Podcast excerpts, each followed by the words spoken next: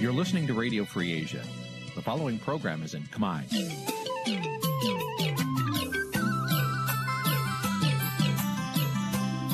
Nǐ chi càm bi tiệp xáy vệt chiu a zì sê ray នេះជាកម្មវិធីផ្សាយរបស់ Vithu Azisari ជាភាសាខ្មែរ វត្តឈូអាស៊ីសេរីសូមស្វាគមន៍លោកអ្នកនាងទាំងអស់ពីរដ្ឋធានី Washington នៃសហរដ្ឋអាមេរិក ចាប់ផ្សាយផ្ទាល់ពីរដ្ឋធានី Washington នាងខ្ញុំសុជីវីសូមជម្រាបសួរលោកអ្នកនាងកញ្ញាដែលកំពុងតាមដានការផ្សាយរបស់ Vithu Azisari ទាំងអស់ជាទីមេត្រីចា៎នេះខ្ញុំសូមជូនកម្មវិធីផ្សាយសម្រាប់យប់ថ្ងៃអាទិត្យ12កើតខែផុតត្របុត្រឆ្នាំឆ្លូវត្រីស័កពុរសករាជ2565ចាប់ត្រូវនៅថ្ងៃទី19ខែកញ្ញាគ្រិស្តសករាជ2021ចា៎ជាដំបូងនេះសូមអញ្ជើញលោកអ្នកនាងស្ដាប់ព័ត៌មានប្រចាំថ្ងៃដែលមានមេត្តាដូចតទៅ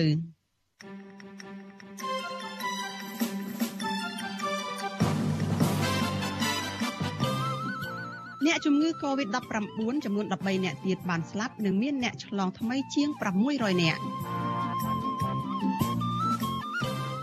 បរដ្ឋនៅខេត្តកំពង់ឆ្នាំងបិទផ្លូវជាតិលេខ5ទាមទារឲ្យអាជ្ញាធរដោះស្រាយរឿងដីធ្លី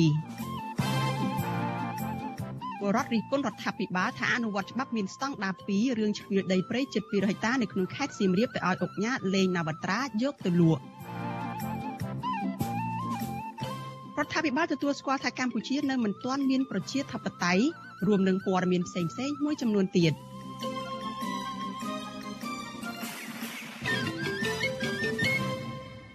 ចាជាបន្តទៅទៀតនេះនាងខ្ញុំសុជីវីសូមជូនព័ត៌មានទីនេះពិស្ដា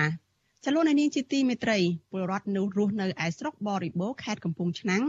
នាំគ្នាបិទផ្លូវជាតិលេខ5ដែលស្ថិតនៅជាប់ព្រំដែននៃខេត្តពោធិ៍សាត់នោះ ដើម្បីទាមទារឲ្យអាជ្ញាធរដោះស្រាយបញ្ហាវិវាទដីធ្លីក្នុងករណីដែលអាជ្ញាធរខេត្តពោធិ៍សាត់ធ្វើផ្លូវនិងបោះបង្គោលពុះដីឡូលើដីស្រែរបស់ពួកគាត់ចាស់ពលរដ្ឋបានឈរបិទផ្លូវអស់រយៈពេលជាង3ម៉ោងទើបរំសាយទៅវិញ នៅក្រៅពេលដែលអាជ្ញាធរស្រុកបានចុះទៅអន្តរាគមន៍នៅក្នុងរឿងនេះចាសសូមស្ដាប់សេចក្តីរាយការណ៍របស់លោកជាតិចំណានអំពីរឿងនេះ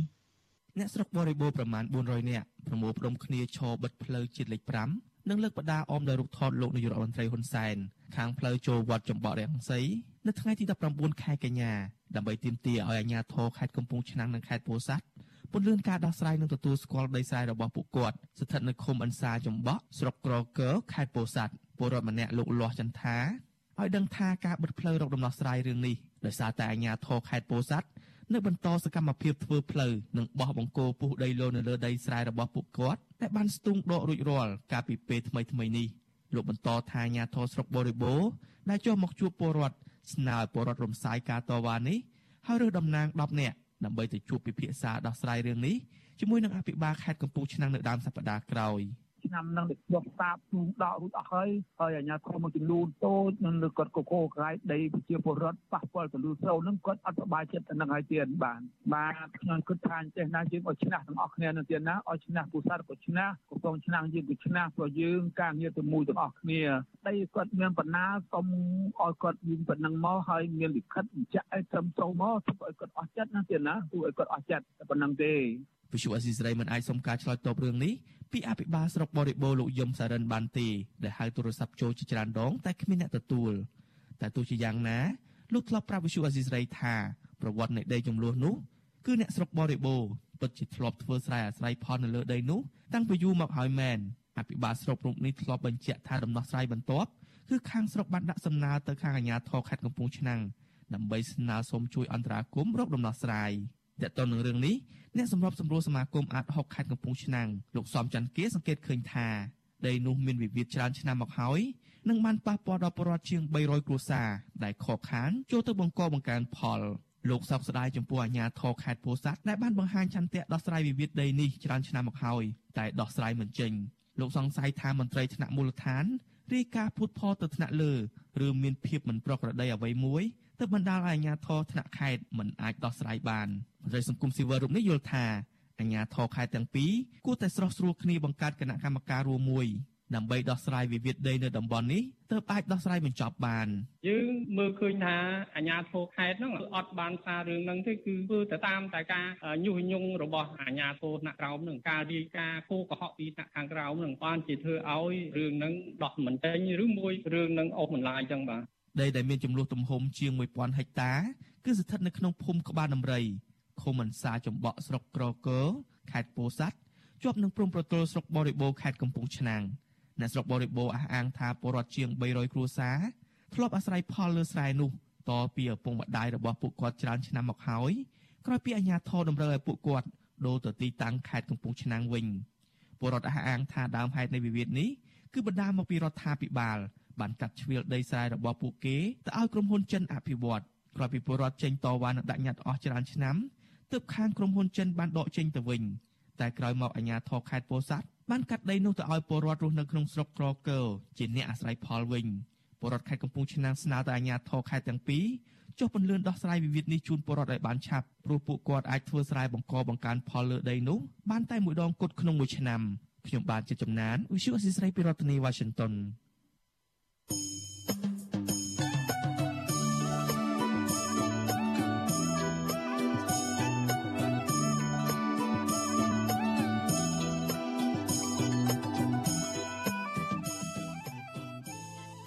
ចាលោកអ្នកនាងជាទីមេត្រីចានៅក្នុងឱកាសនេះដែរចានាងខ្ញុំសូមថ្លែងអំណរគុណដល់លោកអ្នកនាងដែលតែងតែមានភក្ដីភាពចំពោះការផ្សាយរបស់យើងហើយចាត់ទុកការស្ដាប់វិទ្យុអាស៊ីសេរីគឺជាផ្នែកមួយនៃសកម្មភាពប្រចាំថ្ងៃរបស់លោកអ្នកនាង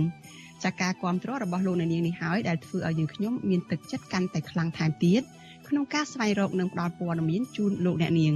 ចាំមានអ្នកស្ដាប់មានអ្នកទស្សនាកាន់តែច្រើនកាន់តែធ្វើឲ្យយើងខ្ញុំមានភាពស្មាហាប់មោះមុតតទៅទៀត ចាស់យើងខ្ញុំសូមអរគុណទុកជាមុនហើយសូមអញ្ជើញលោកអ្នកនាងចូលរួមជំរុញឲ្យសកម្មភាពផ្តល់ព័ត៌មានរបស់យើងនេះគឺកាន់តែជោគជ័យបន្ថែមទៀតចាស់លោកអ្នកនាងអាចជួយយើងខ្ញុំបានដោយគ្រាន់តែចុចចែករំលែកឬក៏ share ការផ្សាយរបស់វិទ្យុយើងនៅលើបណ្ដាញសង្គម Facebook និង YouTube ទៅកាន់មិត្តភ័ក្តិដើម្បីឲ្យការផ្សាយរបស់យើងនេះបានទៅដល់មនុស្សកាន់តែច្រើន។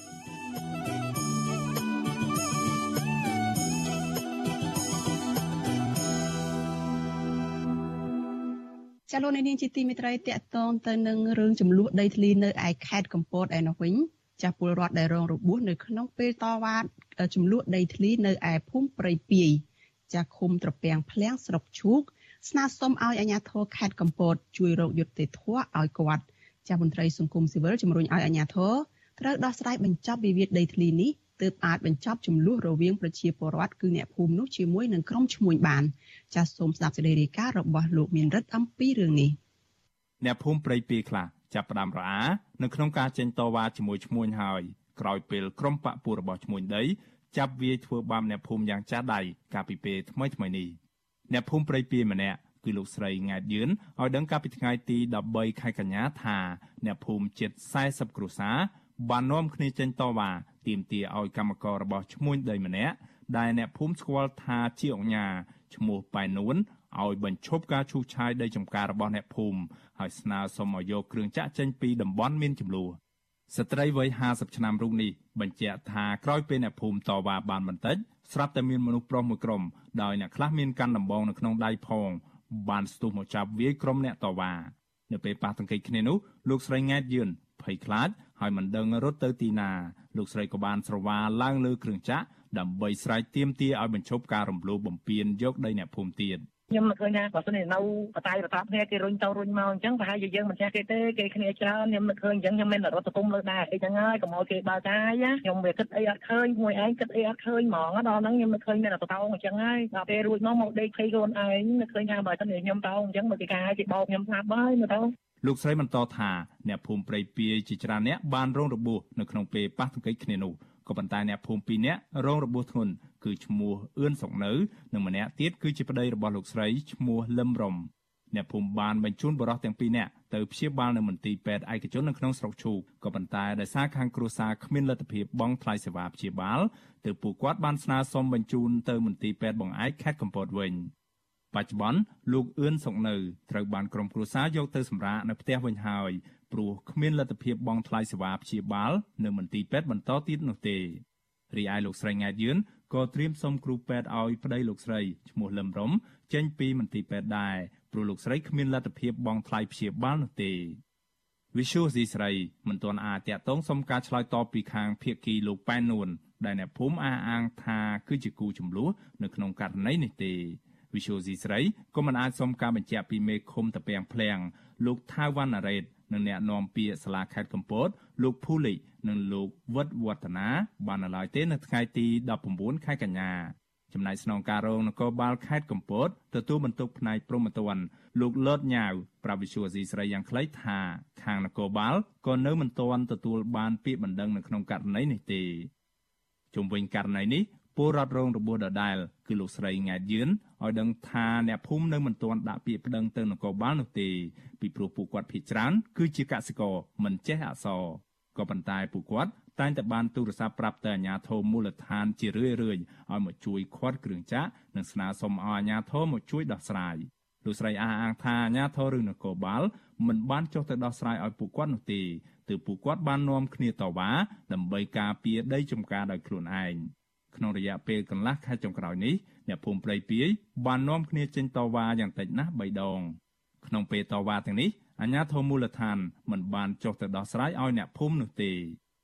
មន្ត្រីសង្គមស៊ីវិលប្រួយបារម្ភថាករណីហិង្សានេះនឹងបន្តកើតមានឡើងទៀតប្រសិនបើអាជ្ញាធរមិនបញ្ញាប់ដោះស្រាយនោះទេអ្នកខ្លំមើលសិទ្ធិមនុស្សនៃអង្គការលីកាដូប្រចាំខេត្តកំពតលោកប៉ែនវុធាឲ្យដឹងថាពលរដ្ឋបានចូលទៅកាន់កាប់ដីគម្របព្រៃឈើរបស់រដ្ឋ ដើម្បីបង្កបង្កើនផល នៅភូមិព្រៃពាយអស់រយៈពេលជាច្រើនឆ្នាំមកហើយក៏ប៉ុន្តែក្រោយមក មានក្រុមឈ្មួញជាច្រើនសិតសឹងតែជាអ្នកមានលុយមានអំណាចបានចូលទៅដណ្ដើមដីនោះបន្តពីអ្នកភូមិទើបបណ្ដាលឲ្យកើតមានចំនួនហិង្សារហូតមកដល់សពថ្ងៃនេះលោកយល់ថាអាញាធរគួរតែរកយន្តការដោះស្រាយបញ្ហានេះឲ្យគ្រប់ភាគីអាចទទួលយកបានទើបអាចបញ្ចប់បញ្ហានេះបាន។ តែបើសិនជាយើងអត់ធ្វើការដោះស្រាយទេយើងនៅតែຕົករឿងនឹងដដែលហើយឲ្យខាងភាគីដែលគាត់មានលុយមានអំណាចគាត់យកទៅធ្វើការទូឆាយពីផ្នែកណារបស់ជាពលរដ្ឋអញ្ចឹងវាជារឿងមួយដែលមើលទៅហាក់ដូចជាវាយុត្តិធម៌សម្រាប់ជាពលរដ្ឋទេដែលគាត់ជាជាពលរដ្ឋក្រីក្រណាច្រើនឆ្នាំមកនេះអ្នកភូមិព្រៃពាយបាននាំគ្នាដាក់ញត្តិសុំកិច្ចអន្តរាគមន៍រឿងវិវាទដីធ្លីជាមួយឈ្មួញដីច្រើនដងមកហើយទាំងនៅសាលាខេត្តកំពត និងនៅខុទ្ទកាល័យលោកនាយរដ្ឋមន្ត្រីហ៊ុនសែនក៏ប៉ុន្តែមិនទទួលបានលទ្ធផលអ្វីនោះទេ ទោះជាយ៉ាងណាអ្នកភូមិបដញ្ញាថាពួកគាត់នឹងនាំគ្នាតវ៉ាទៀតរហូតទាល់តែមានដំណោះស្រាយខ្ញុំបាទមេរិត Visual C ស្រីរាយការណ៍ពីរដ្ឋធានី Washington ចាលោកនាងជាទីមេត្រីចាលោកអ្នកកំពុងតាមដានការផ្សាយរបស់វិទ្យុអាស៊ីសេរីផ្សាយចេញពីរដ្ឋធានី Washington សហរដ្ឋអាមេរិកចាមន្ត្រីជាន់ខ្ពស់រដ្ឋាភិបាលទទួលស្គាល់ថាកម្ពុជានៅមិនទាន់មានប្រជាធិបតេយ្យនៅឡើយទេដោយសារតែប្រទេសនេះទើបងើបពីសង្គ្រាម ហើយអ្នកនយោបាយបន្តឆ្លោះប្រកែកគ្នាមន្ត្រីបកប្រឆាំងថាការលើកឡើងនេះគឺមានន័យថារបបសពថ្ងៃទទួលស្គាល់ខ្លួនឯងថាកំពុងដឹកនាំប្រទេសតាមរបៀបផ្ដាច់ការចារីឯមន្ត្រីសង្គមស៊ីវិលវិញបន្តជំរុញរដ្ឋាភិបាលដឹកនាំប្រទេសតាមបែបប្រជាធិបតេយ្យព្រោះនេះគឺជាកតាបគឺជាកតាបកិច្ចផ្លូវច្បាប់របស់រដ្ឋាភិបាលចាសលោកអ្នកនាងនៅបានស្ដាប់សេចក្តីរាយការណ៍នេះពិស្ដារនៅក្នុងការផ្សាយរបស់យើងនៅពេលបន្តិចទៀតនេះ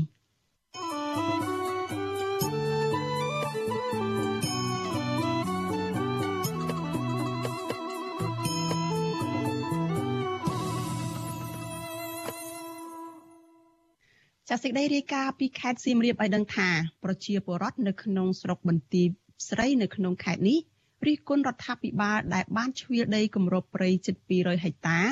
នៅក្នុងខេត្តនេះទៅឲ្យអង្គញាលេងណាវត្រា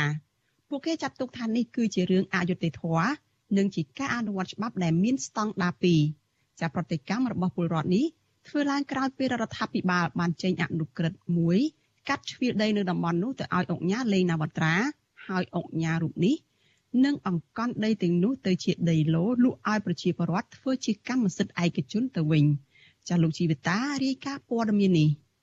ប្រជាពលរដ្ឋរស់នៅខេត្តសៀមរាបពោលថាពលរដ្ឋប្រមាណ1000គ្រួសារបានកាន់កាប់ដីនៅតំបន់បន្ទាយស្រីនោះប្រមាណ20ឆ្នាំហើយប៉ុន្តែពួកគាត់គ្មានសិទ្ធិលក់ដូរដោយអុកញ៉ាលេងណាវត្រានោះទេ អ្នកស្រុកស្វាយជ័យលោកព្រំសុព្រឹក ប្រាប់វិទ្យុអាស៊ីសេរីនៅព្រឹកថ្ងៃទី19កញ្ញាថាលោកនិងប្រជាពលរដ្ឋជាច្រើនគ្រួសារទៀតបានកាន់កាប់ដីគម្របព្រៃឈើនៅឃុំខ្នាសណ្ដាយស្រុកបន្ទាយស្រី តាំងពីឆ្នាំ2001រហូតមក លោកបន្តថាពួកលោកធ្លាប់ស្នើទៅអាជ្ញាធរខេត្តសុំធ្វើបានកម្មសិទ្ធិស្របច្បាប់ជាច្រើនលើកច្រើនសារមកហើយប៉ុន្តែមិនទទួលបានលទ្ធផលនោះទេ លោកបញ្ជាក់ថា ការដែលអាជ្ញាធរមិនចេញបានស្របច្បាប់ដល់ប្រជាពលរដ្ឋនេះបានប៉ះពាល់យ៉ាងខ្លាំងដល់ជីវភាពរស់នៅរបស់ពួកគាត់ព្រោះពួកគាត់ដាំដុះដោយភ័យខ្លាច និងមិនអាចលក់ដូរយកប្រាក់ដោះស្រាយជីវភាពគ្រួសារបានឡើយ យើងមិនសប្បាយចិត្តហើយវាអយុត្តិធម៌សម្រាប់ជាពលរដ្ឋដាច់ខាតកន្លែងហ្នឹងយើងមិនគ្រប់គ្រងបើសិនបើអត់ឥឡូវយើងឲ្យអត់ទាំងអស់ទៅมันអាចក្រុមហ៊ុនណាអាចទិញលក់ដូរបានទេអញ្ចឹងដល់ប្រជាពលរដ្ឋมันអាចលក់ដូរបានដល់ក្រុមហ៊ុនលេងនិវត្តត្រាគេអាចលក់ដូរបាននៅតំបន់ហ្នឹងខ្ញុំមានមន្ទិលសង្ស័យមួយទៀតថាដីនៅតំបន់ហ្នឹងវាដីដែលមានហាងឆេងមានក្រុមហ៊ុនវិនិយោគគេចង់បានអញ្ចឹងណារយៈកាលកន្លងមកយើងអាចទិញលក់ដូរបានដល់ឆ្នាំ2020រហូតដល់ឥឡូវនេះយើងមិនអាចលក់ដូរបាន ស្រដៀងគ្នានេះដែរប្រជាពលរដ្ឋរស់នៅស្រុកបន្ទាយស្រីម្នាក់ទៀតគឺលោកលងសុផុនថ្លែងថាលោកនិងប្រជាពលរដ្ឋរស់នៅឃុំស្នាសណ្ដាយភៀកច្រើន មានជីវភាពក្រីក្រ ហើយចង់លក់ដីនៅតំបន់នោះខ្លះដើម្បីយកប្រាក់ដោះស្រាយជីវភាពគ្រួសារក្នុងគ្រាអាសន្ននេះលោកបន្តថាអញ្ញាធរធ្វើបែបនេះជាការអនុវត្តច្បាប់ស្តង់ដារ2 ពីព្រោះអាញាធរបានកាត់ជ្រៀលដីគម្របព្រៃឈើនៅតំបន់នោះឲ្យអុកញ៉ាលេងណាវត្រាយកទៅធ្វើអាជីវកម្មលើដីនោះដោយសេរីដល់ចោលវាពិបាកដែរណាបងប្អូនត្រូវការលក់ទៅលក់ទៅទៅជប់ក្រោបព្រៃឈើទាំងអស់នោះឯងតែឡាគេខ្វៀលក្រោបបានគេធ្វើអយមកនេះគេធ្វើខ្វៀលអយដល់ពេលណាចង់អយតបើកអយជាបុរិតមានស្រីភាពណាការលក់ដូរទិញ ជីបោះឆ្នោតបោះអុយទៀតផងដល់មកបិទចេះទៅវាស្ទះតែទាំងអស់នេះបាទវាពិបាកហ្នឹងដល់ចេះពិបាកត្រង់ថាឡើយវាមានរោអុយបានទៅវាត្រូវការចង់លក់ចង់ដូរតែបន្តិចទៅលក់គឺសមុទ្រវាមិនចាញ់ណាវាអត់ភញាអយប្រតិកម្មរបស់ប្រជាពលរដ្ឋនេះធ្វើឡើងក្រោយពេលលោកនាយករដ្ឋមន្ត្រីហ៊ុនសែនបានចេញអនុក្រឹត្យកាត់ជ្រៀលដីគម្របព្រៃឈើជាង172ហិកតា នៅភូមិរំជែកឃុំរំជែក និងភូមិខ្នាឃុំខ្នាសណ្ដាយស្រុកបន្ទាយមានជ័យឲ្យទៅអុកញ៉ាលេងណាវត្រា កាលពីថ្ងៃទី23កក្កដាឆ្នាំ2021ប្រជាពលរដ្ឋឲ្យដឹងថាបច្ចុប្បន្នដីទាំងនោះត្រូវបានអុកញ៉ារូបនេះអង្កន់ជាដីឡូលក់ឲ្យប្រជាពលរដ្ឋធ្វើជាកម្មសិទ្ធិឯកជនអស់ហើយអាស៊ីសេរីមិនអាចតាក់ទងអុកញ៉ាលេណាវត្រា ដើម្បីឆ្លើយតបជុំវិញការលើកឡើងរបស់ប្រជាពលរដ្ឋនេះបានទេនៅថ្ងៃទី19កញ្ញាចំណែកអភិបាលខេត្តសៀមរាបលោកទាសីហាក៏មិនអាចតាក់ទងសូមអត្ថាធិប្បាយបានដែរប៉ុន្តែអ្នកនាំពាក្យសាលាខេត្តសៀមរាបលោកលីសំរិទ្ធបានប្រាប់សារព័ត៌មានថ្មីៗថារដ្ឋបាលខេត្តបានទទួលអនុក្រឹត្យពីការកាត់ជ្រឿដីគម្របព្រៃឈើនោះពីអុកញ៉ាលេងនវត្រាហើយលោកបន្តអះអាងថា ដីនោះជាដីគម្របព្រៃឈើឆ្នាំ2002ប៉ុន្តែសប្តាហ៍ថ្ងៃពុំមានព្រៃឈើនោះទេ ហើយដីមួយចំនួនប្រជាពលរដ្ឋបានធ្វើស្រែនិងដាំដុះផលដំណាំ និងខ្លះទៀតពួកគាត់បានលក់អស់ហើយការទទួលបានដីរដ្ឋជិត200ហិកតានៅពេលនេះគឺបន្ទាប់ពីអុកញ៉ាលេងនវត្រាបានឧបត្ថម្ភប្រាក់ជាច្រើនលើកខ្ទង់ម៉ឺនរហូតដល់លានដុល្លារដល់រដ្ឋាភិបាលកម្ពុជា ក្នុងការចូលរួមចំណែកទប់ស្កាត់ជំងឺ Covid-19 ទោះជាយ៉ាងណា អ្នកឃ្លាំមើលបញ្ហាសង្គមយល់ថាការផ្ដល់ប្រាក់ដ៏សន្ធឹកសន្ធាប់បែបនេះគឺក្នុងបំណងចង់បានផលតបស្នងពីរដ្ឋាភិបាលវិញ ជាជាងជំនួយមនុស្សធម៌ដើម្បីផលប្រយោជន៍ជាតិក្រៅពីអុកញ៉ាលេងនវត្រាក៏មានអង្គការមួយចំនួនទៀតបានបរិច្ចាគប្រាក់ជួយដល់រដ្ឋាភិបាលលោកហ៊ុនសែនដែរហើយពួកគេក៏កំពុងទទួលបានផលប្រយោជន៍មកវិញជាបន្តបន្ទាប់ក្នុងនោះ មានដូចជាអង្គការពងខៀវសែដែលកំពុងច្បាមយកដីប្រជាពលរដ្ឋនៅស្រុកកណ្ដាលស្ទឹងខេត្តកណ្ដាលដើម្បីសាងសង់ប្រលានយន្តហោះថ្មី និងអង្គការខុនសៀដែលកំពុងលុបទន្លេមេគង្គនិងកោះចាប់ពីចំណុចឃុំអរិយខ្សាត់រហូតដល់លវាអែមនិងស្រុកគៀនស្វាយខេត្តកណ្ដាល។ជុំវិញរឿងនេះមន្ត្រីពង្រឹងសិទ្ធិអំណាចសហគមន៍មូលដ្ឋាននៃសមាគមការពារសិទ្ធិមនុស្សអាត6លោកប៉ែនប៊ុនណា មានប្រសាសន៍ថា ការដែលរដ្ឋាភិបាលចេញអនុក្រឹត្យកាត់ជ្រឿលដីឲ្យអុកញ៉ានេះជារឿងអយុត្តិធម៌និងជាការអនុវត្តច្បាប់ស្តង់ដារ2បើប្រៀបធៀបជាមួយពលរដ្ឋក្រីក្រ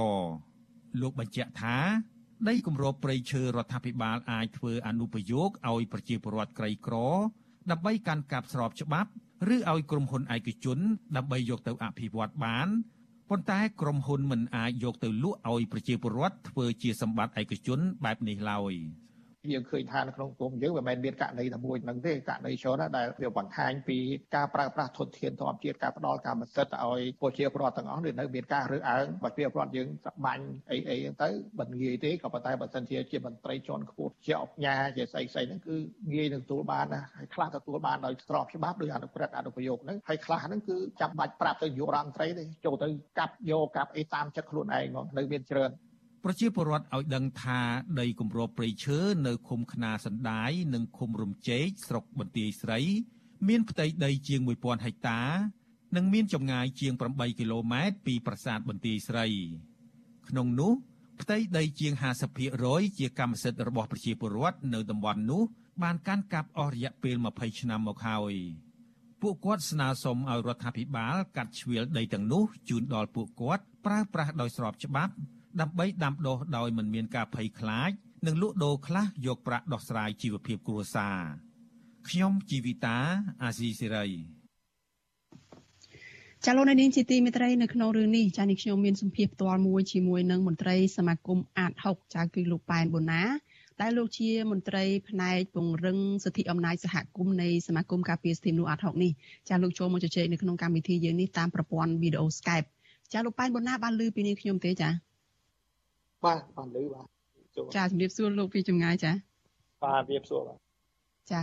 ចាអឺយើងមិនអាចមើលឃើញរូបលោកប៉ែនបូណាទេដោយសារតែប្រព័ន្ធទូរស័ព្ទនៅខាងលោកនឹងគឺមិនសូវល្អចាប្រព័ន្ធអ៊ីនធឺណិតនៅខាងលោកមិនសូវល្អដូច្នេះយើងនឹងឮតែសំឡេងរបស់លោកប៉ែនបូណាទេ ចាស់លោកប៉ែនបូណារឿងកាត់ដីទំហំ200ហិកតាដែលជាដីគម្របព្រៃឈើនៅ ក្នុងឃុំរំជែកនិងឃុំខ្នាសណ្ដាយនៅឯស្រុកបន្ទាយស្រីនេះចាប្រជាពលរដ្ឋលើកឡើងថាអាញាធរនឹងគឺអនុវត្តស្តង់ដារ2តើស្តង់ដារ2នៅពេលនេះមានន័យថាយ៉ាងម៉េចទៅចាលោកប៉ែនបូណាអឺយើងឃើញថាស្តង់ដារ2នេះមានន័យថា ប្រជាពលរដ្ឋយើងមួយចំនួននឹងលោកចង់បានជាកម្មសិទ្ធិកម្មតែនៅតែនៅមានការមិនផ្ដល់ឲ្យកម្មសិទ្ធិបានដោយសារដោយអាជ្ញាធរថាដីដែលលោកប្រជាពលរដ្ឋចូលកាន់កាប់វាជាដីរបស់រដ្ឋបាទហើយម្យ៉ាងទៀតហើយយើងឃើញថាមានការប្រមូលទិញដីពីអង្គការពីអ្នកមានមន្ត្រីជាដើមហ្នឹង យើងថាពេលខ្លះលឿនបាទដោយសារ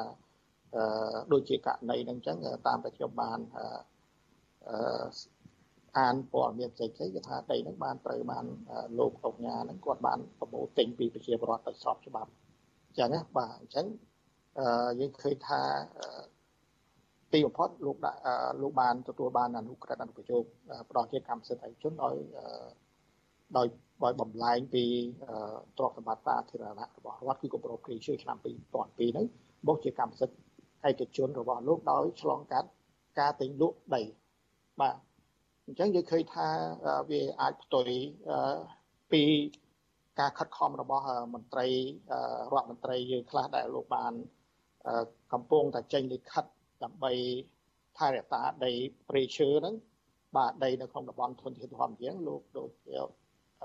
លោករដ្ឋមន្ត្រីក្រសួងបរិស្ថានលោកបានចេញលិខិតដើម្បីឲ្យ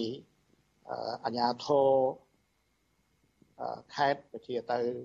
មេឃុំមេភូមិហ្នឹងមុខភាពចោលលិខិតលោកដេញទៅទិញដីហ្នឹងលើដីរដ្ឋបាទអញ្ចឹងយើងឃើញថាមានប្រជាប្រដ្ឋជាច្រើនដែលបានរស់នៅលើដីរដ្ឋហ្នឹងហើយរយៈពេលដែលលោក រស់នៅយូរបានបានបកកការផលលោកក៏បានចង់បានទៀមទានៅកម្មសិទ្ធិនោះដែរក៏តែដោយសារដោយសារមានលិខិតពីរដ្ឋមន្ត្រីពីអាជ្ញាធរហ្នឹងធ្វើឲ្យពេលខ្លះដីរបស់ប្រជាពលរដ្ឋយើងមួយចំនួនត្រូវបានដកហូតទៀតបាទត្រូវដកហូតបន្ទុកជាទ្រព្យសម្បត្តិរបស់រដ្ឋទៀតអញ្ចឹងយើងឃើញថាវាមានវាមានភាពហាក់ដូចជាមានភាពផ្ទុយគ្នារវាងរវាងការផ្ដល់ដី កម្មសិទ្ធិទៅឲ្យលោកអញ្ញាពីព្រោះយើងឃើញថាទ្រព្យសម្បត្តិសាធារណៈរបស់រដ្ឋគឺมันអាច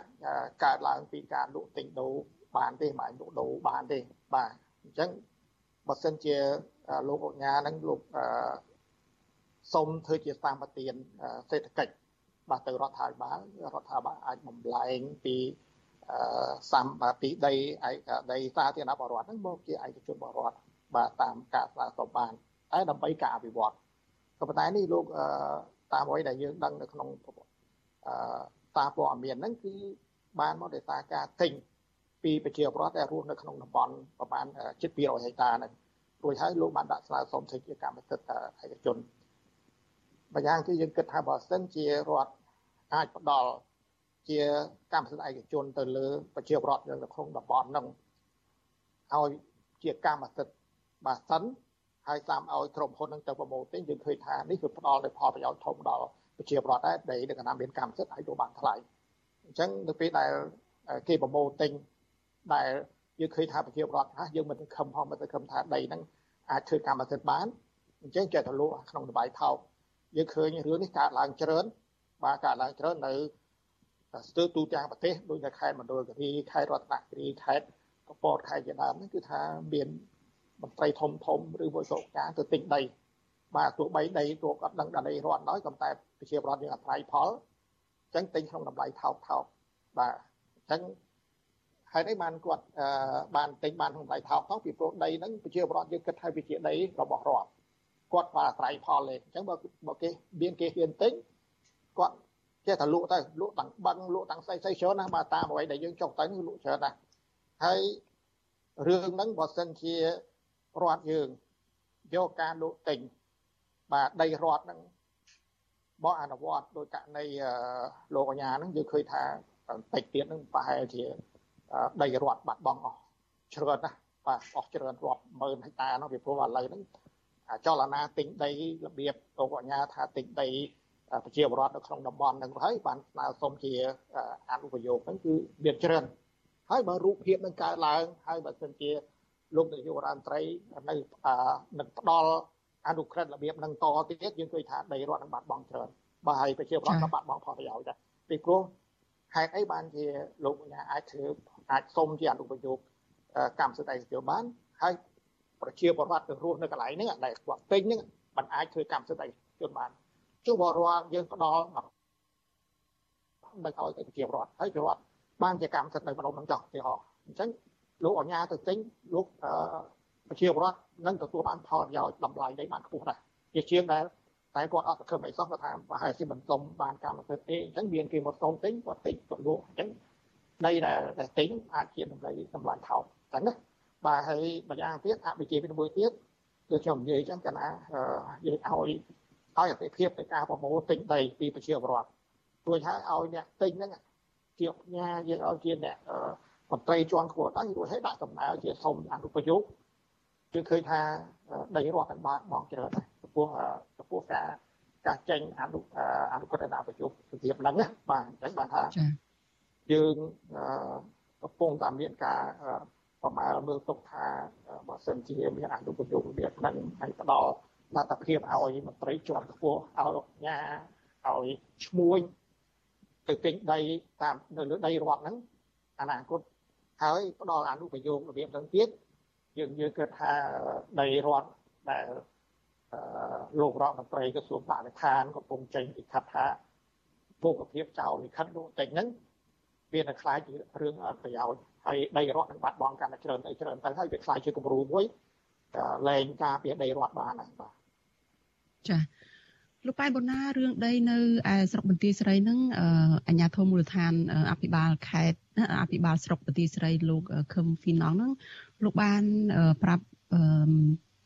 អ្នកសារព័ត៌មានថាដីនេះគម្របព្រៃឈើនៅតំបន់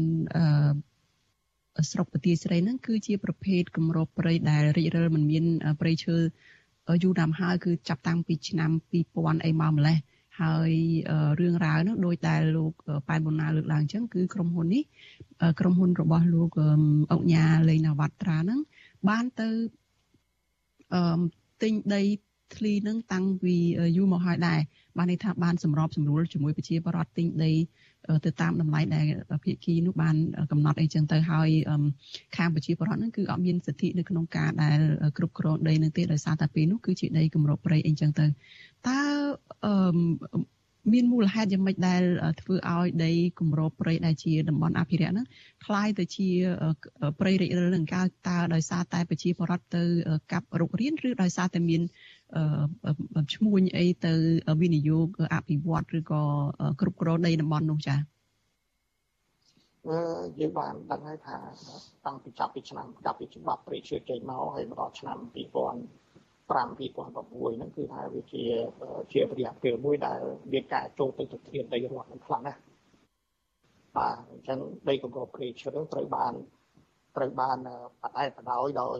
មន្ត្រីនគរបាលជំនាញព្រៃឈើរដ្ឋ 10000ហិកតារាប់សែនហិកតាបាទរាប់លានហិកតារបស់យើងនិយាយទៅបាទអញ្ចឹងក៏ព្រៃឈើវាខ្សែទៅជាវារហោឋានពេលនោះវាអាចខ្សែទៅជាដីដែលអត់មានព្រៃឈើអញ្ចឹងបើយើងនិយាយពីកម្រិតព្រៃឈើឆ្នាំ2002ហ្នឹងគឺជារឿងមួយដែលតែច្បាស់កំណត់ដែរបាទនិយាយគ្នានិយាយថាកម្រិតព្រៃឈើពីតោះតាកន្លែងហ្នឹងមានព្រៃឈើបាទអញ្ចឹងបានយើងអាចកំណត់ថាអឺតំបន់ដែលថាបាទ ជិត200ហិកតារបស់លោកលេងលោកអញ្ញាលេងបានបត្រាដែលបានបានទិញរួចមកហើយហ្នឹងគឺជាតំបន់ក៏ប្រព្រៃឈើមាន ព្រៃឈើក៏តែដោយសារមានមានមានការបដែបដោយបាទឲ្យក្នុងច្រើនណាប្រជាពលរដ្ឋផងមន្ត្រីផងបានចូលទៅកាប់រៀនមិនមែនទៅតែខែទៀមឬមួយច្រើនណារាប់ម៉ឺនរាប់សែនហិកតាអញ្ចឹងហើយដីទាំងអស់នេះបានคล้ายទៅជាដីតែមានព្រៃឈើក៏ប៉ុន្តែបើយើងនិយាយទៅតាមផ្លូវច្បាប់វិញអឺ កម្រិតព្រៃឈើគឺជាដីសាធារណៈរបស់រដ្ឋអញ្ចឹងវានៅតែមានឈ្មោះកម្រិតព្រៃឈើឆ្នាំ2002ដដែលទោះបីអត់ព្រៃឈើក៏ដោយប៉ុន្តែបើយើងនិយាយតាមច្បាប់វិញបើសិនជាពេលនោះមន្ត្រីនគរបាលយុទ្ធធរខ្វះអនុវត្តទៅតាមច្បាប់អ្នកដែលបានអ្នកដែលបានកាប់រៀនព្រៃឈើទាំងអស់ហ្នឹងតាមមាត្រា94ហ្នឹងត្រូវតែចេញថ្លៃសងថ្លៃខូចខាតតំបន់ព្រៃឈើនោះ ធ្វើបាច់ជួសជុលតំបន់ pressure ឲ្យខ្លាយជាតំបន់ដូចពីមុន pressure ដូចពីមុនអាហ្នឹងបើយើងនិយាយហើយអ្នកដែលទៅកាប់រៀនដីព្រៃហ្នឹងទៅតាមមាត្រា97ត្រូវមានទូបត់អក្រិតទៀតពីការកាប់រៀនដី pressure ដែលត្រូវមានទូជាប់នឹងទៀតពី5ឆ្នាំទៅ10ឆ្នាំអញ្ចឹងយើងឃើញថាដោយសារការបដិបដដោយការមិនអនុវត្តច្បាប់បានពេញទាំងហ្នឹងបានធ្វើឲ្យដីព្រៃឈើឆ្លន់ពាន់ច្រើនម៉ឺនរាប់តែនេះតាបានខ្លាចជាដីគ្មានព្រៃឈើដែល ដូចឯដំអត់ដូចលោកអភិបាលស្រុកប្រទេសមានប្រទេសតបប្រទេសត្រីលោកលើអញ្ចឹងបាទយើងជឿថាវាអត់មានព្រៃឈើក៏ប៉ុន្តែឈ្មោះតំបន់នៅតែតំបន់កម្រិតព្រៃឈើដដែលអញ្ចឹងកណ្ដាលជាតំបន់កម្រិតព្រៃឈើវាដីសាធារណៈរបស់រដ្ឋបើជាដីសាធារណៈរបស់រដ្ឋត្រូវកណ្ដាលអាចខ្លាយជាកម្មសិទ្ធិឯកជនបានលូត្រាតែឆ្លងតាមអនុក្រឹត្យអនុប្រយោគប៉ុន្តែអ្វីដែលយើងបានដឹងនោះគឺថានៅក្នុងតំបន់ហ្នឹងមានប្រជាពលរដ្ឋរស់នៅហើយ បាទអញ្ចឹងលោកបានទៅទិញពីប្រជាពលរដ្ឋហ្នឹងអញ្ចឹងបើសិនជារដ្ឋយើងអាចផ្ដល់នូវការលើកទឹកចិត្តយើងផ្ដល់នៅផ្ដល់នៅផ្លូវច្បាប់ឲ្យបានដូចលោកស៊ីវត្តត្រាដែរគឺថាចេញឲ្យបានកម្មសិទ្ធិគាត់ទៅ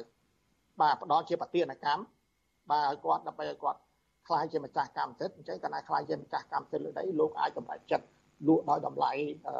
ខ្ពស់អាចផ្ដល់នៅជីវភាពរស់នៅរបស់គាត់ហ្នឹងបានធូរធារ តាមប៉ុន្តែយើងឃើញថាអ្វីដែលរូបភាពដែលការប្រមូលទិញក្នុងសម័យក្នុងពេលនេះគឺក៏ពេលមុននៅលើ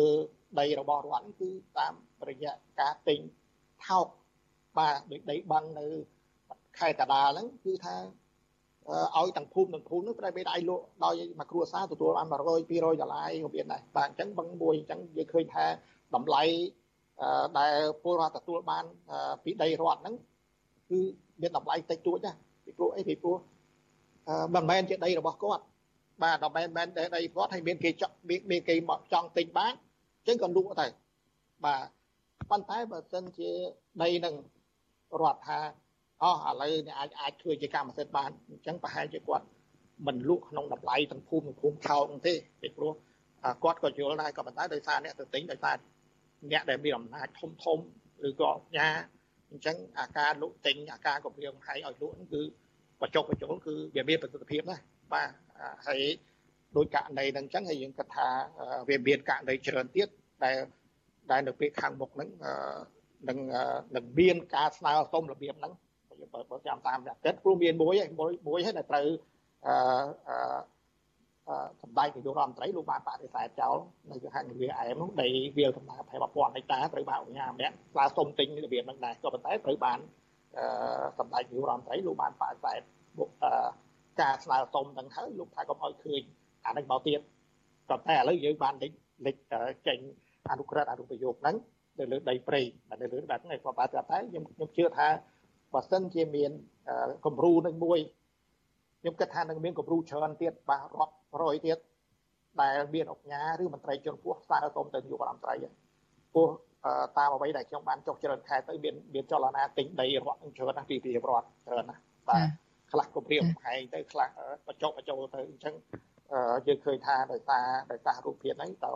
រូបភាពហ្នឹងដែលប្រជាពលរដ្ឋមកបានទទួលផលប្រយោជន៍ខ្ពស់ពីអ្វីដែលខ្លួនការចូលទៅកាន់ការអាស្រ័យផលហ្នឹងហើយ ហើយมันមានលទ្ធភាពបានទទួលប្លង់កម្មសិទ្ធិដោយលោកបញ្ញាហ្នឹងបើមិនជាគាត់មានលទ្ធភាពទទួលបានប្លង់កម្មសិទ្ធិប្រហែលជាគាត់បានទទួលតម្លៃដីរបស់គាត់មិនមិនទៀបទេគឺខ្ពស់បានតាមតម្លៃទីផ្សារបាទចាលោកប៉ែនប៊ុនណាចាលោកអុកញ៉ាលេងនវត្រានេះគឺល្បីឈ្មោះនៅក្នុងប្រហែលឆ្នាំចុងក្រោយនេះហើយអ្វីដែលធ្វើឲ្យលោកកាន់តែល្បីខ្លាំងមែនទែននោះគឺតាក់ទងទៅនឹងការដែលហ៊ានចំណាយលុយរាប់លានដុល្លារ ដែលធ្វើជាការបរិច្ចាគទៅឲ្យរដ្ឋាភិបាល នៅពេលដែលរដ្ឋាភិបាលប្រកាសប្រមូលលុយទិញវ៉ាក់សាំងការពារជំងឺ Covid-19 ដូច្នេះតើមានជាប់តាក់ទងគ្នាទេនៅពេលដែលលោកប៉ែនបូណាលើកឡើងអញ្ចឹងអង្គញាផ្សេងនៅតំបន់ផ្សេងដែលស្នើសុំដីនឹងអាចថាត្រូវលោកយមត្រីបដិសេធប៉ុន្តែលោកលេងនវត្រាអាចចង្អុលដីកន្លែងណាដែលលោកចង់បាននឹងទៅតាមអ្វីដែលលោកចង់បានបានដោយសារតែមានទំនាក់ទំនងគ្នាមានការពឹងពោគ្នារវាងរដ្ឋាភិបាលហើយនិងអ្នកជំនួយធំរូបនេះចា៎បាទបើយើងនិយាយទៅកុំថាឡើយដល់ការផ្ដល់ថវិកា យើងឃើញថាមានអង្គការមានមន្ត្រីមួយចំនួនឬក៏ឈ្មួញមួយចំនួនកុំថាឡើយដល់ផ្ដល់លុយសូម្បីតែបានថតរូបក្បែរសម្ដេចហ្នឹងក៏មានឥទ្ធិពលដែរបើយើងនិយាយណាបាទបើយើងមើលពិនិត្យចាក់ដៃក្នុងសង្គមយើងអញ្ចឹងអឺអញ្ចឹងយើងឃើញថាវាជួនពេលបានទៅពេលដែលលោកបញ្ញានឹងបានផ្ដល់ជាទឹកប្រាក់ច្រើនម៉ឺនច្រើនលានយុទ្ធនាការពីកូវីដហ្នឹង ហើយទៅទៅពេលហ្នឹងយើងមើលឃើញថាមានបានទទួលនៅផលប្រយោជន៍ដូចជាអនុក្រឹត្យអនុក្រឹត្យអនុប្រយោគនៅស្រុកបន្ទាយស្រីហ្នឹងហើយក៏យើងដឹងថាលោកលោកអញ្ញាក៏មានដីច្រើនដែរបាទដីដែលធ្វើវិនិយោគសម្រាប់តាំងតង់ផ្ទះល្វែងនេះក៏ច្រើនដែរច្រើនខែដែរអញ្ចឹងវិជាបំផុតពីការការ ចោតប្រកាន់បាទកោតចោតប្រកាន់ថាដោយសារលោកផ្ដល់អឺចំនួនទាំងអស់ហ្នឹងដែលធ្វើឲ្យលោកទទួលបានផលប្រយោជន៍ចិត្តបាទអានេះវាជាការគិតបាទពីព្រោះពីព្រោះអ្នកផ្សេងផ្សេងភាគច្រើនដែលផ្សេងផ្សេងនេះយើងឃើញថាហាក់ដូចជាមិនបានទទួលផលប្រយោជន៍ច្រើននៅក្នុងពេលឥឡូវហ្នឹងដូចលោកលេងណាបត្រាទេបាទអញ្ចឹងអញ្ចឹងអានេះជាការជាការមើលឃើញ បាទពីព្រោះវាជាក់ស្ដែងពីព្រោះពីព្រោះយើងឃើញថាអឺកុំថាឡើយសូម្បីតែផ្លោះថាសូមបាទអុកញ៉ាឬក៏មន្ត្រីច្រើនណាដែលដែលភាកច្រើនយកអត្តពលរបស់លោកនាយករដ្ឋមន្ត្រីដើម្បីអឺរកផលប្រយោជន៍របស់ខ្លួនអញ្ចឹងណាបាទចា អរគុណច្រើនលោកប៉ែមុនណាចាដែលបានផ្ដល់ការសម្ភាសឲ្យវិទ្យុអស៊ីសេរីនៅយុគនេះចាសូមជូនពរលោកសុខភាពល្អហើយជម្រាបលាលោកត្រឹមតែប៉ុណ្ណេះសិនចាបាទបាទជម្រាបលាបាទចាលោកនាងជាទីមិត្តរីតកតងនឹងការឆ្លងរាលដាលជំងឺ Covid-19 វិញម្ដងចាអ្នកជំងឺ Covid-19 ចំនួន13អ្នកទៀតបានស្លាប់ដែលធ្វើឲ្យករណីអ្នកស្លាប់ដោយសារជំងឺនេះកើនឡើងដល់ជាង2100អ្នកហើយ ចាស់ចំពោះករណីឆ្លងថ្មីវិញគឺមានជាង600នាក់នៅក្នុងថ្ងៃដដែលនេះហើយក្នុងនោះជិត100នាក់គឺជាករណីនាំចូលពីក្រៅប្រទេសចាស់គិតត្រឹមព្រឹកថ្ងៃទី19ខែកញ្ញាកម្ពុជាមានអ្នកកើតជំងឺ Covid-19 ជាង1សែននាក់ក្នុងនោះអ្នកដែលជាសះស្បើយវិញមានជាង90000នាក់ក្រសួងសុខាភិបាលប្រកាសថាគិតត្រឹមថ្ងៃទី18ខែកញ្ញារដ្ឋាភិបាលចាក់វ៉ាក់សាំងជូនពលរដ្ឋបានជាង9លាន8សែននាក់នៅក្នុងចំណោមអ្នកដែលត្រូវចាក់សរុប10លាននាក់ ចំណែកកុមារនិងយុវជនដែលមានអាយុចន្លោះពី12ឆ្នាំដល់17ឆ្នាំវិញក្រសួងប្រកាសថាចាក់វ៉ាក់សាំងបានជាង1លាន7សែននាក់នៅក្នុងចំណោមអ្នកដែលត្រូវចាក់សរុបជិត2លាននាក់ចាសម្រាប់កុមារដែលមានអាយុពី6ឆ្នាំដល់11ឆ្នាំវិញក្រសួងសុខាភិបាលបានដឹងថារដ្ឋាភិបាលចាក់វ៉ាក់សាំងជូនពួកគេ បានជាង2សែននាក់នៅក្នុងចំណោមកុមារដែលត្រូវចាក់សរុបជាង1លាន8សែននាក់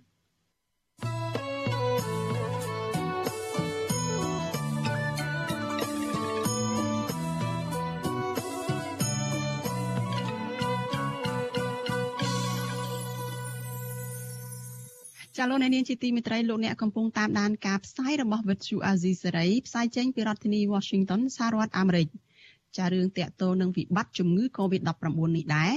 អ្នកប្រកបរបរនៅក្នុងសេដ្ឋកិច្ចក្រៅប្រព័ន្ធបន្តត្អូញត្អែពីទុកលំបាកក្នុងការរកប្រាក់ចំណូលដោយសារតែវិបត្តិជំងឺ Covid-19 នេះបន្តអូសបន្លាយដែលបណ្ដាលឲ្យជីវភាពរបស់ពួកគេ កាន់តែលំបាកពីមួយថ្ងៃទៅមួយថ្ងៃខណៈពួកគេអះអាងថា មិនទាន់ទទួលបានជំនួយឬក៏សាច់ប្រាក់ឧបត្ថម្ភនិងផែនការជួយស្ដារឡើងវិញនៅមុខរបរឬក៏អាជីវកម្មពីសំណាក់រដ្ឋាភិបាលនៅឡើយទេមន្ត្រីសង្គមស៊ីវិលជំរុញរដ្ឋាភិបាលត្រូវរកយន្តការដោះស្រាយបញ្ហាទុកលំបាករបស់ពលរដ្ឋនេះឲ្យបានឆាប់ដើម្បីជួយស្ដារជីវភាពស្ថានភាពរស់នៅដ៏លំបាករបស់ពួកគាត់នេះឡើងវិញជាអ្នកប្រកបរបរនៅក្នុងសេដ្ឋកិច្ចក្រៅប្រព័ន្ធថាអ្វីត្បិតតែស្ថានភាពជំងឺ Covid-19 ថមថយបន្តិចក្តី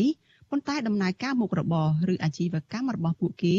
បន្តរងផលប៉ះពាល់ដដែលពួកគាត់ស្នើឲ្យរដ្ឋាភិបាលរកមធ្យោបាយជួយដោះស្រាយបញ្ហាជីវភាពនិងជួយស្រោចស្រង់មុខរបរឬអាជីវកម្មរបស់ពួកគេឡើងវិញអាជីវករលក់ប្រហិតនៅខណ្ឌមានជ័យក្នុងរាជធានីភ្នំពេញលោកស្រីស៊ិនចន្ទធីលើកឡើងថាវិបត្តិជំងឺ Covid-19 បានធ្វើឲ្យលោកស្រីសម្រាប់ផ្អាកមុខរបរនេះមួយរយៈដោយសារតែពុំមានដើមទុន និងគ្មានប្រាក់បង់កន្លែងជួលកន្លែងលក់ដូរតទៅទៀតស្ត្រីមេម៉ាយរូបនេះខកចិត្តចំពោះអាញាធរមូលដ្ឋានតែបដិសេធផ្ដាល់បានក្រីក្រឬក៏បានសមត្ថៈទៅដល់គ្រួសាររបស់លោកស្រីដែលកំពុងតែលំបាកវេទនាហើយបច្ចុប្បន្ននេះលោកស្រីកំពុងដើរស៊ីឈ្នួលតាមផ្ទះគេគ្រាន់តែបានប្រាក់បន្តិចបន្តួចចិញ្ចឹមកូន3នាក់នៅក្នុងបន្ទប់បង់ថ្លៃទឹកភ្លើងនិងថ្លៃបន្ទប់ជួលដែលមានតម្លៃ50ដុល្លារនៅក្នុងមួយខែ។ ខ្ញុំលំបាកអត់មានអ្នកណាជួយឧបត្ថម្ភខ្ញុំមានតែខ្ញុំប្រើកម្លាំងហើយនឹងខ្ចីលុយគេមានខ្ញុំជំពាក់គេចូលពី3000ដុល្លារអត់មានលុយសម្រាប់កូនពេញខ្ញុំបាយប្រេខ្ញុំខ្ញុំអត់មានផ្ទះនៅហើយមានអីប៉ុន្តែអ៊ុំសង្កាត់គេគឺគេអត់តង់អត់លឺអត់ដឹងអីទាំងអស់ខ្ញុំគឺពិបាកខ្ញុំជាអ្នកកិត្តខ្លីគេដាក់រស់នៅតែខ្ញុំគិតថាធ្វើម៉េចខ្ញុំតស៊ូទៅចាស់ជាមួយគ្នានេះអ្នករត់រមាក់កង់3ម្នាក់នៅរាជធានីភ្នំពេញគឺលោកឈៀងស៊ីណាត លោកប្រាប់ថាលោកធ្លាប់រកប្រាក់ចំណូលផ្គត់ផ្គង់គ្រួសារឲ្យរស់នៅសមរម្យប៉ុន្តែស្ថានភាពមិនច្បាស់លាស់នៃជំងឺ Covid-19 នេះបណ្ដាលឲ្យលោករកចំណូលសឹងតែមិនបាន20000រៀលនៅក្នុងមួយថ្ងៃខណៈតម្លៃសាំងនិងហ្គាសនៅលើទីផ្សារឡើងថ្លៃឯតម្លៃម្ហូបអាហារវិញក៏ឡើងថ្លៃខ្ពស់ផងដែរបរិវ័យ34ឆ្នាំរូបនេះអះអាងថាលោកមិនដែលទទួលបានជំនួយសង្គមឬក៏សាច់ប្រាក់ឧបត្ថម្ភពីផែនការរបស់រដ្ឋាភិបាលកន្លងមកនោះទេ លោកស្នើដល់រដ្ឋាភិបាលជួយស្ដារស្ថានភាពរបស់អ្នកប្រកបរបរនៅក្នុងសេដ្ឋកិច្ចក្រៅប្រព័ន្ធដែលកំពុងរងផលប៉ះពាល់នេះឲ្យបានកាន់តែឆាប់គឺកាន់តែល្អ។ សេវាដឹកជញ្ជូនរបស់យើងនេះគឺថយខ្លាំងអញ្ចឹងគឺយើងប៉ះពាល់ខ្លាំងណាស់ចំពោះជីវភាពប្រចាំថ្ងៃយើងត្រូវការណានៅក្នុងការហូបចុកពីមុនធ្លាប់ហូបចំណាយ10000លើនៅសល់តែ5000ហូបក្នុងមួយថ្ងៃការពងទាជៀនពងទាស្ងោក៏មានអ្វីក៏ដោយឲ្យតែបានរួចអញ្ចឹងដល់សប្តាហ៍នេះខាងខ្ញុំដែលជាសេដ្ឋកិច្ចចៅពន្ធគឺអត់ទាន់ទទួលឲ្យបានដំណោះស្រាយល្អពីខាងរដ្ឋាភិបាលទេគឺអត់ទាន់មានពន្លឺណាមួយឡើយ ចាស់វិទ្យុអាស៊ីសេរីនៅមិនទាន់អាចតាក់ទងទៅអ្នកនាំពាក្យក្រសួងសង្គមគិច្ចអតីតយុទ្ធជននិងយុវនីតិសម្បទាគឺលោកទូចានីនិងអ្នកនាំពាក្យក្រសួងការងារលោកហេងសួរដើម្បីសុំការបកស្រាយជុំវិញរឿងនេះបានទេនៅថ្ងៃទី19ខែកញ្ញានេះប៉ុន្តែលោកនាយរដ្ឋមន្ត្រីហ៊ុនសែនកាលពីថ្ងៃទី17ខែកញ្ញាបានបញ្ជាឲ្យអភិបាលរាជធានីភ្នំពេញយកចិត្តទុកដាក់ចាក់វ៉ាក់សាំងបង្ការជំងឺ Covid-19 លើកទី3ឬដូសជំរុញនោះ ទៅដល់អ្នកប្រកបរបរនៅក្នុងសេដ្ឋកិច្ចក្រៅប្រព័ន្ធដើម្បីទប់ស្កាត់ជំងឺ Covid-19 បំផ្លែងថ្មីប្រភេទ Delta និងឈានទៅរកការបើកដំណើរការអាជីវកម្មឡើងវិញជុំវិញរឿងនេះប្រធានសមាគមឯករាជ្យនៃសេដ្ឋកិច្ចក្រៅប្រព័ន្ធលោកវុនពៅលោកមានប្រសាសន៍ថាស្ថានភាពលំបាកទាំងនេះសង្គមស៊ីវិលនៅតែព្រួយបារម្ភអំពីបញ្ហាប្រាក់ចំណូលនិងជីវភាពរស់នៅរបស់អ្នកប្រកបរបរក្រៅប្រព័ន្ធ ដោយសារតែតំបន់មួយចំនួននៅរាជធានីភ្នំពេញនិងខេត្តផ្សេងទៀតបន្តបិទសកម្មភាពការងារនិងដំណើរការអាជីវកម្មគឺដើម្បីទប់ស្កាត់ការឆ្លងរាលដាលជំងឺ Covid-19 លោកសង្កេតឃើញថាកន្លងមកគោលនយោបាយរបស់រដ្ឋាភិបាលដែលផ្ដល់ជំនួយសង្គមនិងបើកសាច់ប្រាក់ដល់អ្នករងគ្រោះដោយសារជំងឺ Covid-19 នោះគឺមិនទាន់បានឆ្លើយតបពេញលេញនៅឡើយទេលោកបញ្ជាក់ថាស្ថានភាពនេះពួកគាត់ត្រូវការជំនួយពីរដ្ឋដូចជាស្បៀងអាហារ ថវិកានិងបានសមត្ថៈឬបានបេឡារបបសន្តិសុខសង្គមដើម្បីកាត់បន្ថយការចំណាយផ្សេងផ្សេងទៀតហើយយើងមិនទាន់ឃើញគោលនយោបាយនេះវាក្របដណ្ដប់ប្រជាពលរដ្ឋចំនួនប្រមាណនេះពិតប្រាកដច្បាស់ទេអញ្ចឹងរដ្ឋក៏ត្រូវគិតអំពីគោលនយោបាយនេះចែងជាក់លាក់ថាជាពលរដ្ឋក្រៅប្រព័ន្ធហ្នឹងត្រូវតែផ្ដល់កម្រិតណាព្រោះរដ្ឋបានលើកឡើងថាអ្នកក្រៅប្រព័ន្ធអាចនឹងប្រឈមមុខចំនួន6លានអ្នកដែលបាត់បង់ការងារអញ្ចឹងរដ្ឋត្រូវជួយសង្គ្រោះ រៀបចំមូលនិធិសម្រាប់ជួយអ្នកដែលទាំង6លានអ្នកដែលនឹងបាត់បង់ការងារនៅក្នុងស្ថានភាព Covid នេះឲ្យច្បាស់លាស់ហើយដោយមិនរើមុខថែមទៀតចាំមន្ត្រីសង្គមស៊ីវិលទទូចរដ្ឋាភិបាលបង្កើនថវិកានិងរៀបចំគោលនយោបាយស្ដារសេដ្ឋកិច្ចឲ្យបានច្បាស់លាស់ដើម្បីធានាដំណើរការមុខរបរឬក៏អាជីវកម្មរបស់ពលរដ្ឋអាចដំណើរការឡើងវិញខណៈដែលពួកគេកំពុងតែរងគ្រោះដោយសារតែវិបត្តិជំងឺ Covid-19 បន្តអូសបន្លាយនេះ។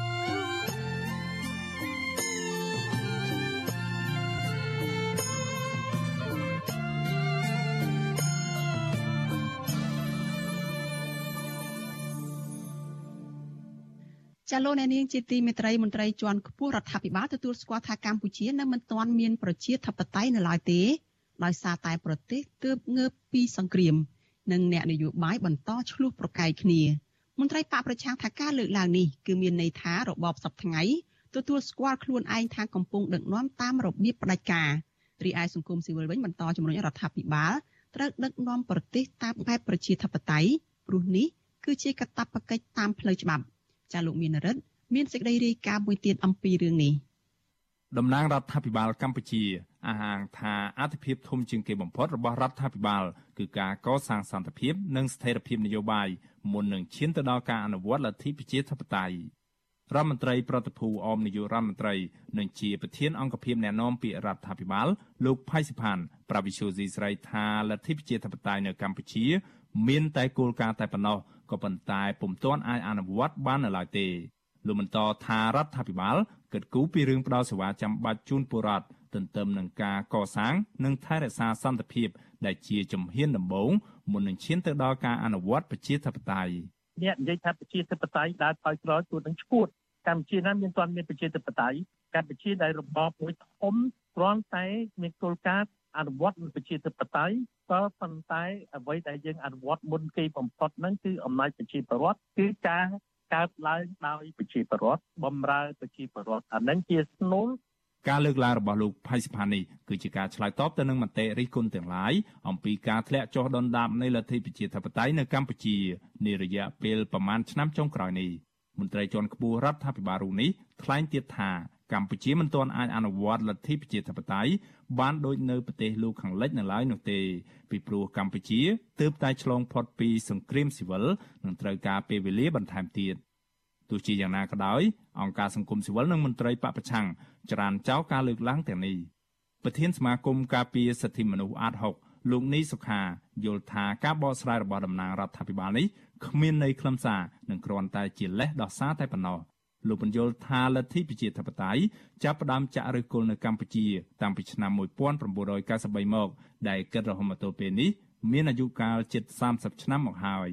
មន្ត្រីសិទ្ធិមនុស្សរូបនេះសង្កត់ធ្ងន់ថា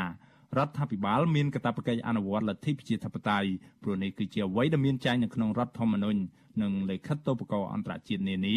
ដែលកម្ពុជាបានទទួលស្គាល់ រដ្ឋាភិបាលបានតសច្ចៈបាននៅក្នុងកតិកាសញ្ញាឬក៏អនុសញ្ញាផ្សេងៗទៅទាក់ទងនឹងសិទ្ធិមនុស្សនឹងច្រើនណាហើយក៏និយាយអំពីការគោរពគោលការណ៍ប្រជាធិបតេយ្យនៅក្នុងកិច្ចព្រមព្រៀងក្រុងប៉ារីនៅក្នុងរដ្ឋធម្មនុញ្ញនៅក្នុងអីទាំងអស់ដែរដូច្នេះយើងយកគោលការណ៍នឹងមកមើលមកហើយយើងអនុវត្តតាមគោលការណ៍នឹងទៅបាទយើងមានទាំងអស់ស្រាប់តា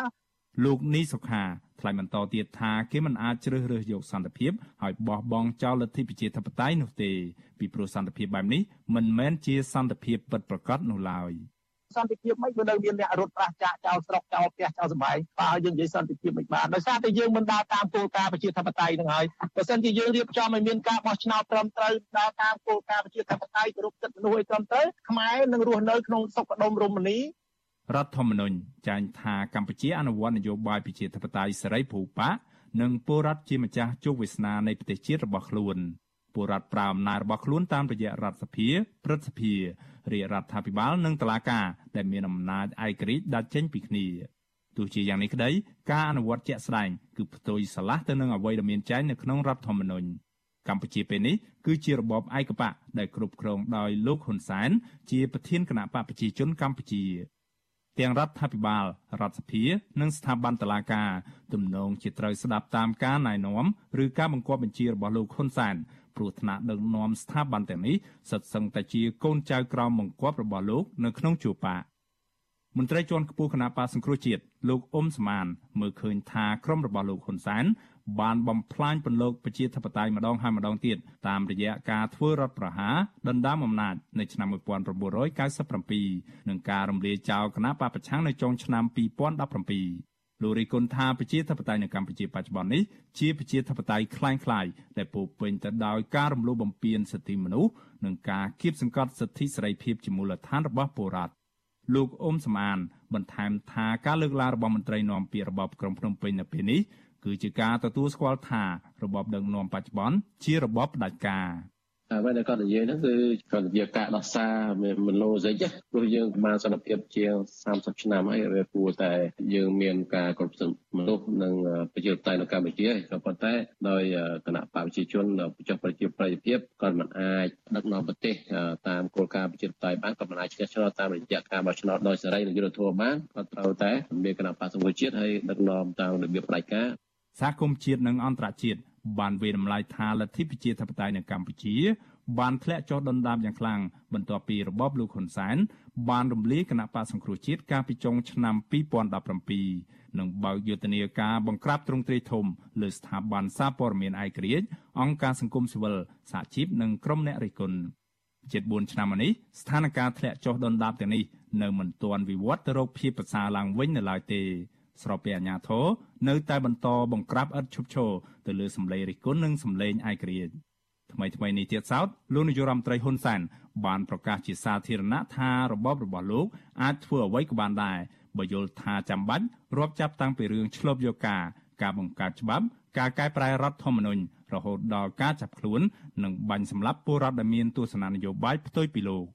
អ្នកតាមដានស្ថានភាពវាតម្លៃថាចំណុចទាំងអស់នេះស្ដែងឲ្យឃើញនូវភាពផ្ដាច់ការកាន់តែខ្លាំងឡើងរបស់លោកហ៊ុនសែនដែលហ៊ានប្រព្រឹត្តអំពើខុសច្បាប់និងរំលោភសិទ្ធិមនុស្សធ្ងន់ធ្ងរដើម្បីរក្សាអំណាចតវងត្រកូលរបស់គាត់អតីតតំណាងរាជបកប្រឆាំងលោកអ៊ុំសមានគូបញ្ជាក់ថាការប្រែធៀបប្រទេសពីលទ្ធិប្រជាធិបតេយ្យឆ្ពោះទៅរកលទ្ធិផ្ដាច់ការពីសំណាក់ក្រុមលោកហ៊ុនសែននេះកំពុងតែនាំមកនូវផលវិបាកធ្ងន់ធ្ងរដល់ប្រទេសជាតិ ផលវិបាកទាំងនោះមានជាអាចដូចជាអំពើពុករលួយជាប្រព័ន្ធអយុត្តិធម៌សង្គមនិងការដាក់ទណ្ឌកម្មពីសហគមន៍អន្តរជាតិជាដើមខ្ញុំបាទមេរិត Visual C ស្រីរាយការណ៍ពីរដ្ឋធានី Washington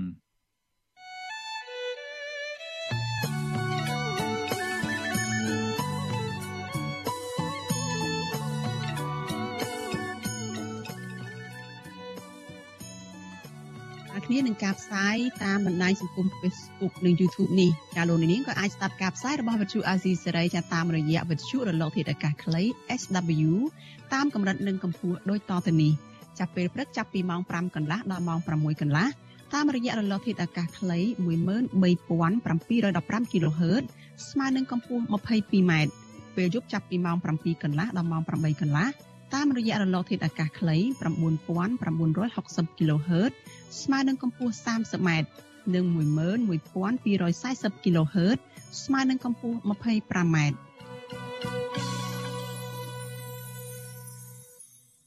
ចលនានាងជាទីមេត្រីរឿងដាច់ដライមួយទៀតចាជនជាតិដើមភៀកតិចភ្នងនិងមន្ត្រីសង្គមស៊ីវិលអះអាងថាក្រុមហ៊ុនចិន ដែលមានឈ្មោះថា Sivgate កំពុងអនុវត្តផ្ទុយពីកិច្ចសន្យាវិនិយោគនិងខុបខិតគ្នាជាមួយអាជ្ញាធរ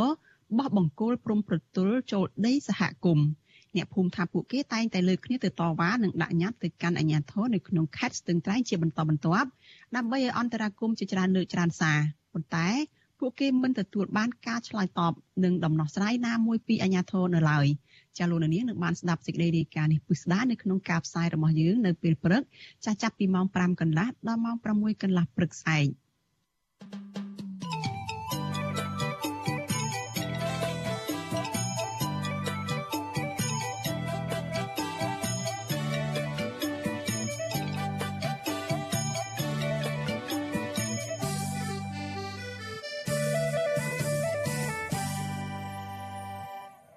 ចាលោកនាងកញ្ញាប្រិមិត្តជាទីមេត្រីចាប្រជាពលរដ្ឋរស់នៅឯស្រុកបរិបូរខេត្តកំពង់ឆ្នាំងនាំគ្នាបិទផ្លូវជាតិលេខ5តវ៉ានៅនៅតំបន់ដែលស្ថិតនៅជាប់ព្រំប្រទល់ខេត្តពោធិ៍សាត់ដើម្បីទាមទារឲ្យអាជ្ញាធរដោះស្រាយវិវាទដីធ្លីករណីអាជ្ញាធរនៅក្នុងខេត្តពោធិ៍សាត់ធ្វើផ្លូវនិងបោះបង្គោលពុះដីឡូលើដីរបស់ពួកគាត់ចាអាជ្ញាធរថាចាប្រជាពលរដ្ឋគាត់បានបិទផ្លូវអស់រយៈពេលជាង3ម៉ោង ទើបរំសាយទៅវិញនៅក្រៅពេលដែលអាជ្ញាធរស្រុកបានចុះទៅអន្តរាគមន៍រឿងនេះចាសសូមស្ដាប់សេចក្តីរាយការណ៍របស់លោកជាតិចំណានអ្នកស្រុកបរិបូរប្រមាណ400នាក់ប្រមូលផ្ដុំគ្នាឈរបិទផ្លូវជាតិលេខ5និងលើកបដាអមដោយរូបថតលោកនាយករដ្ឋមន្ត្រីហ៊ុនសែនខាងផ្លូវចូលវត្តចំបក់រាំងសីនៅថ្ងៃទី19ខែកញ្ញាដើម្បីទាមទារឲ្យអាជ្ញាធរខេត្តកំពង់ឆ្នាំងនិងខេត្តពោធិ៍សាត់ ពង្រឹងការដោះស្រាយនិងទទួលស្គាល់ដីស្រែរបស់ពួកគាត់ស្ថិតនៅឃុំអន្សាចំបក់ស្រុកក្រកើខេត្តពោធិ៍សាត់ពលរដ្ឋម្នាក់លោកលាស់ចន្ទថា